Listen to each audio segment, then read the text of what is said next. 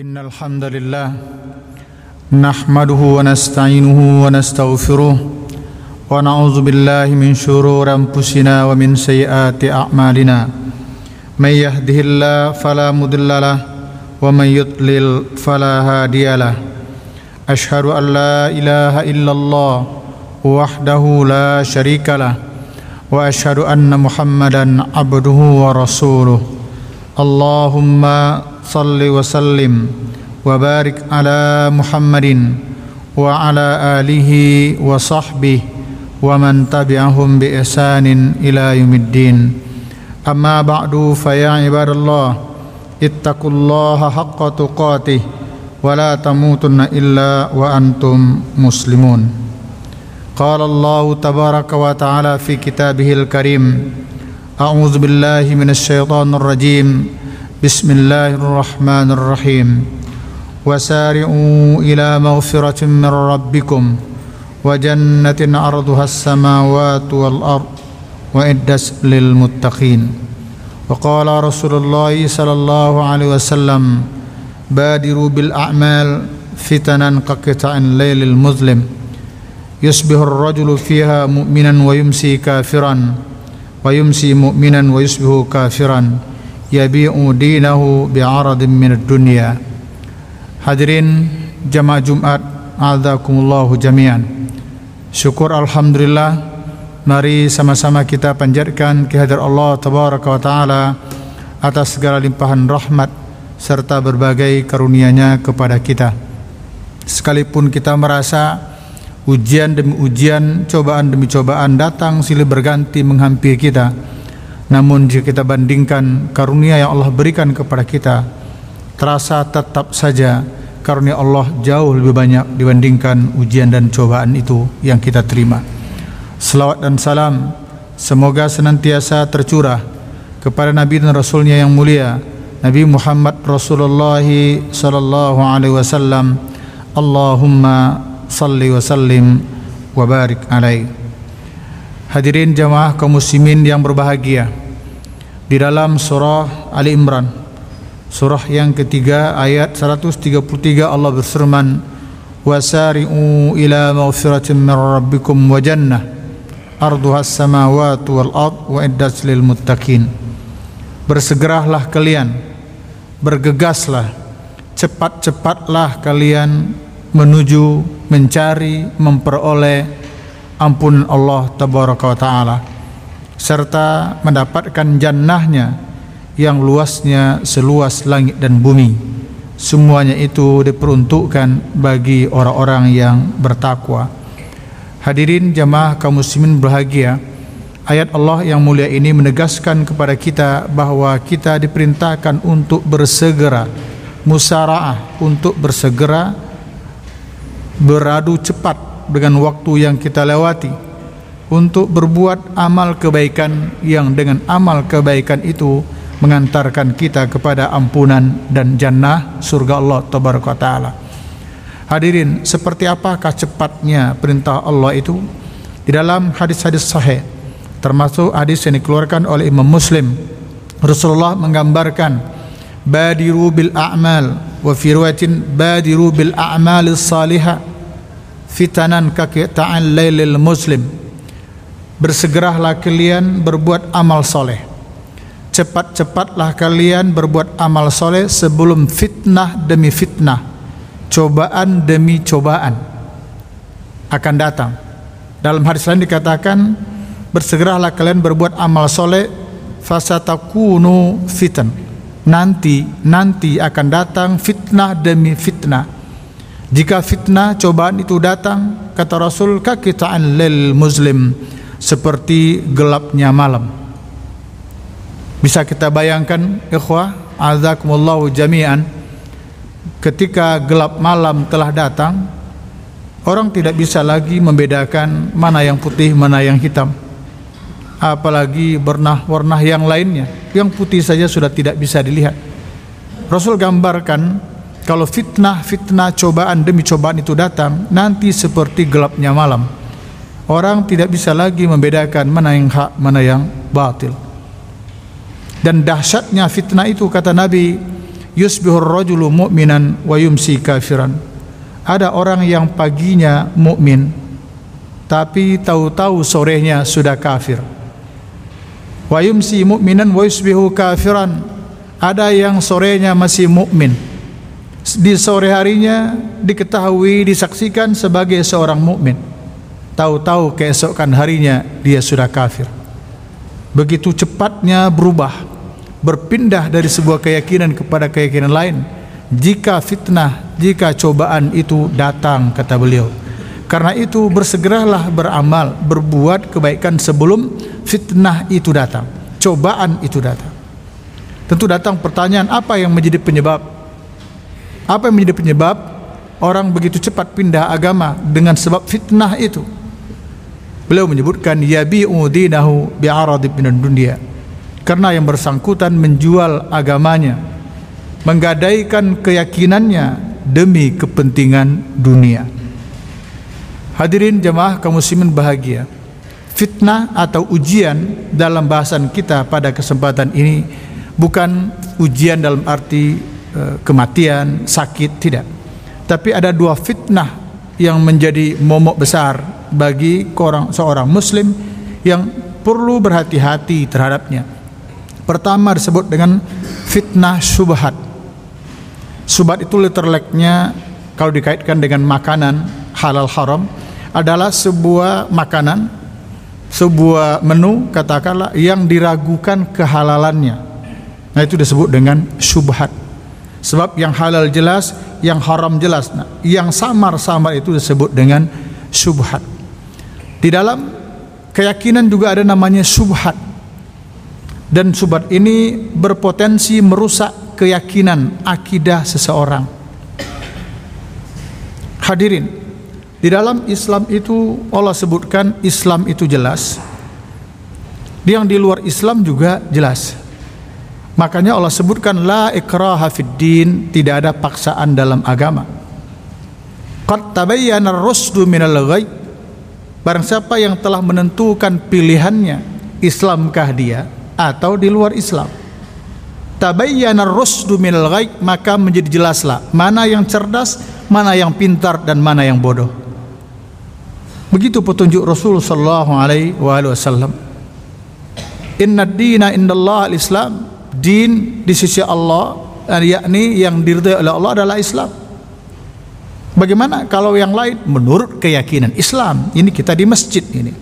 Saya berkhutbah di depan kaum muslimin bukan agama lain keyakinan muslim keyakinan Islam bagaimana sekiranya di luar Islam Allah jawab wa may yabtaghi ghairal islami dinan falan yuqbala min barang siapa yang mencari din mencari agama di luar Islam falan yuqbala min tidak akan pernah diterima oleh Allah tabaraka wa taala oleh karena itu hadirin kalau ada ungkapan misalnya mengatakan bahwa semua agama itu benar itu subhat itu. Ya. Apalagi ungkapan mengatakan bahwa semua agama itu benar di mata Allah. Subhat juga itu. Allah yang mana? Atau di mata Tuhan, barangkali bahasa seperti itu. Semua agama benar di mata Tuhan. Tuhan yang mana? Tuhannya umat Islam, Tuhannya Allahu Ahad, Allahu Samad itu wa ilahukum ilahu wahid menurut kalau menurut Tuhan yang itu yang dimaksud bahwa yang benar adalah dinul Islam begitu yang Allah firmankan di dalam firman-Nya gitu. Jadi tidak bisa mengatakan semua agama itu benar apalagi di mata Tuhan. Dan orang yang mengatakan semua agama benar itu juga tidak fair. Silakanlah coba kalau memang dia mengatakan semua agama benar dan diyakininya benar silakan dia hari Jumat ke masjid besok hari Sabtu atau hari Ahad ke gereja enggak dia? Tengok aja betul enggak yang mengatakan bahwa semua agama itu benar atau mungkin bukan dari Islam dari agama lain yang mengatakan bahwa semua agama itu adalah benar ayo kita layani Mari kita ke masjid. sholat ikut bersama kami. Mau nggak mereka? Kalau saya misalnya tidak ke gereja, tidak ke tempat ibadah lain, karena memang keyakinan saya tidak seperti itu. Jadi kalau saya tidak mau itu wajar hak saya. Tetapi orang yang mengatakan semua agama itu benar, silakan aja Bapak coba hadapi mereka, bawa mereka menjalankan agama menurut agama yang ada ini. Mau nggak mereka? Hati-hati ikhwah jemaah kaum muslimin berbahagia. Apa bagi, apalagi yang bertutur-tutur seorang tokoh misalnya. Ada lagi yang subhat itu misalnya ucapan mengatakan tidak boleh mengatakan bahwa satu agama itu yang paling benar atau yang benar. Yang berhak menentukan kebenaran itu adalah Allah. Setuju kita. Yang berhak yang menentukannya itu adalah Allah. Allah lah kebenaran mutlak. Tapi ketika kita memakai firman Allah yang mengatakan ini benar, ini salah, kenapa tidak diterima? Menentukan yang halal dan yang haram misalnya, dianggap kita tidak berhak untuk menentukan yang halal haram karena yang paling berhak menentukan adalah Allah. Oke. Ketika Allah mengatakan babi itu haram, kenapa tidak diterima? Bukankah itu firman Allah? Pemilik zat yang maha mutlak kebenarannya. Hadirin, semakin hari semakin banyak orang yang tenggelam ke dalam subhat ini. Dan itu berpotensi merusak akidah seseorang. Mulai dari rusak bahkan jika tidak berhati-hati bisa menjadi keluar dari Islam. Ini perlu dipahami baik-baik. Toleransi dalam beragama tidak memastikan kita mengakui semua agama yang ada itu. Toleransi sudah diatur oleh Islam. Lakum dinukum waliyadin. Cukuplah. Udah cukuplah itu bagi kita. Lakum dinukum waliyadin. Pasal 29 ayat 2 memberikan kebebasan kepada kita dalam undang-undang dasar kita untuk menjalankan agama atau kepercayaan atau keyakinan menurut apa yang diyakini sendiri. Sudah cukuplah sebagai hidup berbangsa dan bernegara sebagai umat Islam sudah ada patoknya. Tidak perlu harus lebih jauh lagi dari itu. Yang pada akhirnya merusak keyakinan kita. Karena itu para ulama menyebutkan obat untuk menghadapi subhat ini hanya dua. Ilmu dan yakin. Artinya dengan ilmu dia tahu mana yang hak, mana yang batil bisa dipahami mudah-mudahan.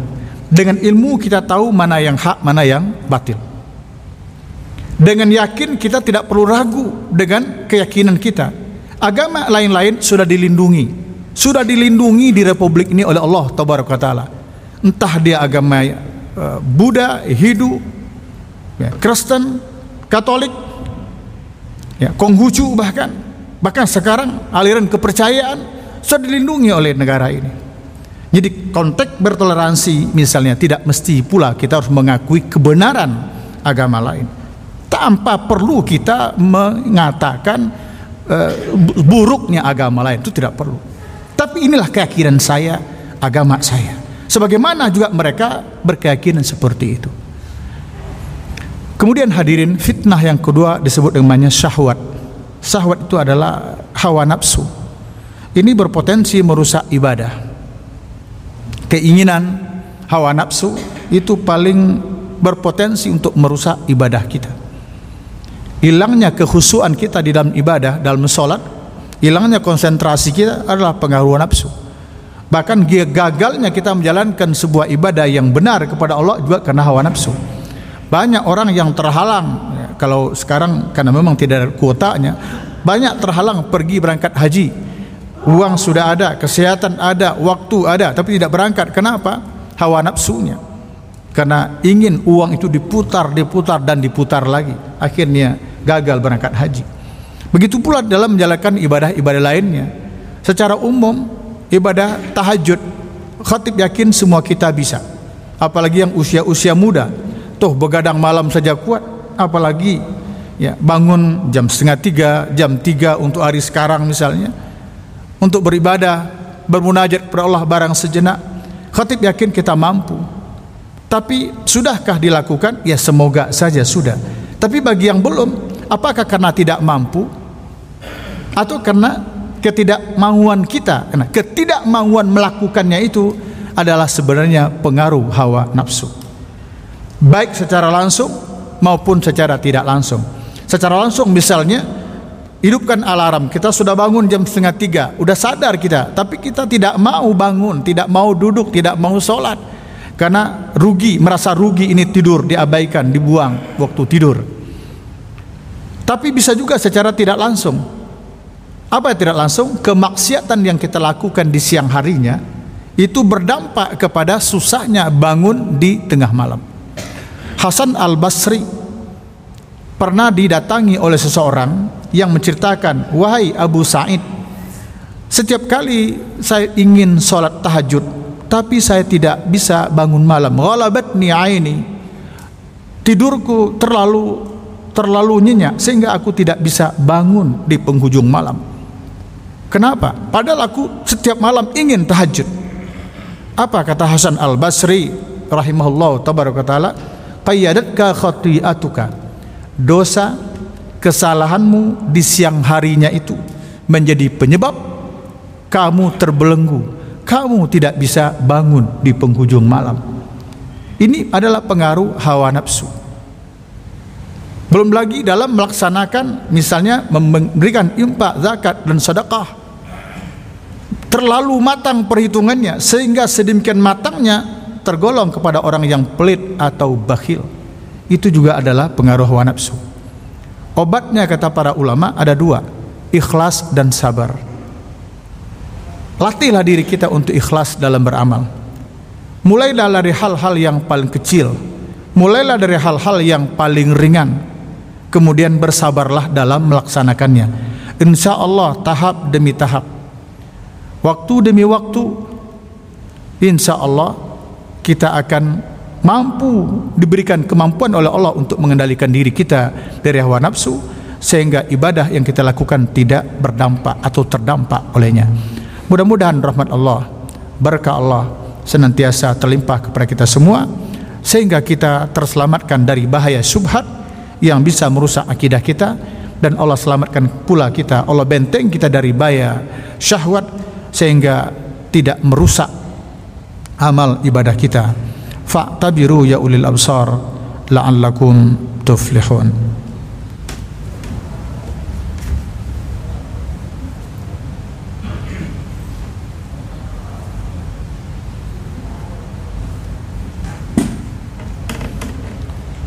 Alhamdulillah Ashhadu an la ilaha illallah Wahdahu la sharika lah Wa ashhadu anna muhammadan abduhu wa rasuluh اللهم صل وسلم وبارك على محمد وعلى آله وصحبه ومن تبعهم بإحسان إلى يوم الدين.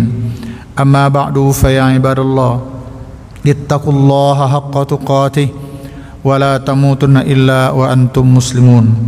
قال الله تبارك وتعالى في كتابه الكريم أعوذ بالله من الشيطان الرجيم. بسم الله الرحمن الرحيم.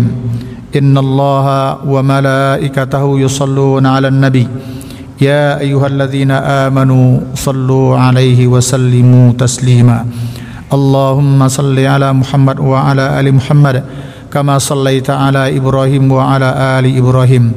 وبارك على محمد وعلى آل محمد كما باركت على إبراهيم وعلى آل إبراهيم في العالمين إنك حميد مجيد اللهم اغفر المسلمين والمسلمات والمؤمنين والمؤمنات الأحياء منهم والأموات إنك سميع قريب مجيب الدعوات آمين يا قاضي الحاجات اللهم يا الله يا رحمن رحيم Ampuni segala dosa dan kesalahan kami ya Allah Ampuni segala dosa dan kesalahan kedua orang ibu bapa kami Rahmati mereka Sayangi mereka Sebagaimana mereka telah mencurahkan kasih sayangnya kepada kami. Ya Allah ya Rahman ya Ghaffar Wahai Allah yang maha kasih lagi maha pengampun Terhadap orang-orang tua kami yang telah mendahului kami Yang telah engkau panggil ke hadiratmu Kami memohon kepadamu ya Allah Terimalah segala amal ibadah mereka Ampuni segala dosa dan kesalahan mereka Lapangkan kubur mereka terangkan kubur mereka berikan harum-haruman ke dalam kubur mereka tempatkan mereka di sisimu ya Allah pada tempat yang terpuji. Ya Allah ya Rahman ya Rahim terhadap orang-orang tua kami yang masih hidup bersama kami jika ada di antara mereka sekarang dalam keadaan kurang sehat kiranya engkau berkenan memberikan kesembuhan kepada mereka memberikan kesabaran kepada mereka untuk menerima ujian dan cobaan yang sedang mereka lakukan mereka terima yang mereka jalani. Mudah-mudahan dengan keikhlasan kesabaran mereka ya Allah, ujian dan cobaan itu menjadi penggugur terhadap dosa-dosa dan kesalahan mereka. Kami mohon kepadamu ya Allah, jadikanlah kami sebagai anak-anak yang sabar dalam merawat orang-orang tua kami. Mudah-mudahan dengan bakti kami menjadi pembuka pintu jannah bagi kami kelak di yaumul qiyamah. Bi rahmatika ya arhamar rahimin. Ya Allah ya Rahman ya Rahim. Kami memohon kepadamu Jadikanlah putra putri kami putra putri yang soleh dan soleha. Selamatkan mereka dari berbagai gangguan yang bisa merusak fisik mereka, akhlak mereka, bahkan keyakinan mereka. Hanya kepada Engkau ya Allah tempat kami memohon. Kepada Engkau kami menyerahkan urusan anak kami. Kami sebagai hambamu hanyalah mampu berusaha berikhtiar untuk menyelamatkan mereka. Hakikatnya keselamatan mereka ada di tanganmu. Innaka ala kulli syai'in qadir. Ya Allah, jadikanlah keluarga kami keluarga yang sakinah mawaddah rahmah. Jikapun ada di antara kami antara suami istri yang bermasalah, kiranya ya Allah Engkau berkenan memberikan jalan keluar, jalan keluar yang terbaik, yang baik menurutmu. Bi rahmatika ya arhamar rahimin. Rabbana atina fid dunya hasanah wa fil akhirati hasanah wa qina adzabannar. Ibadallah إن الله يأمر بالعدل والإحسان وإيتاء ذي القربى وينهى عن الفحشاء والمنكر والبغي يعظكم لعلكم تذكرون ولا ذكر الله أكبر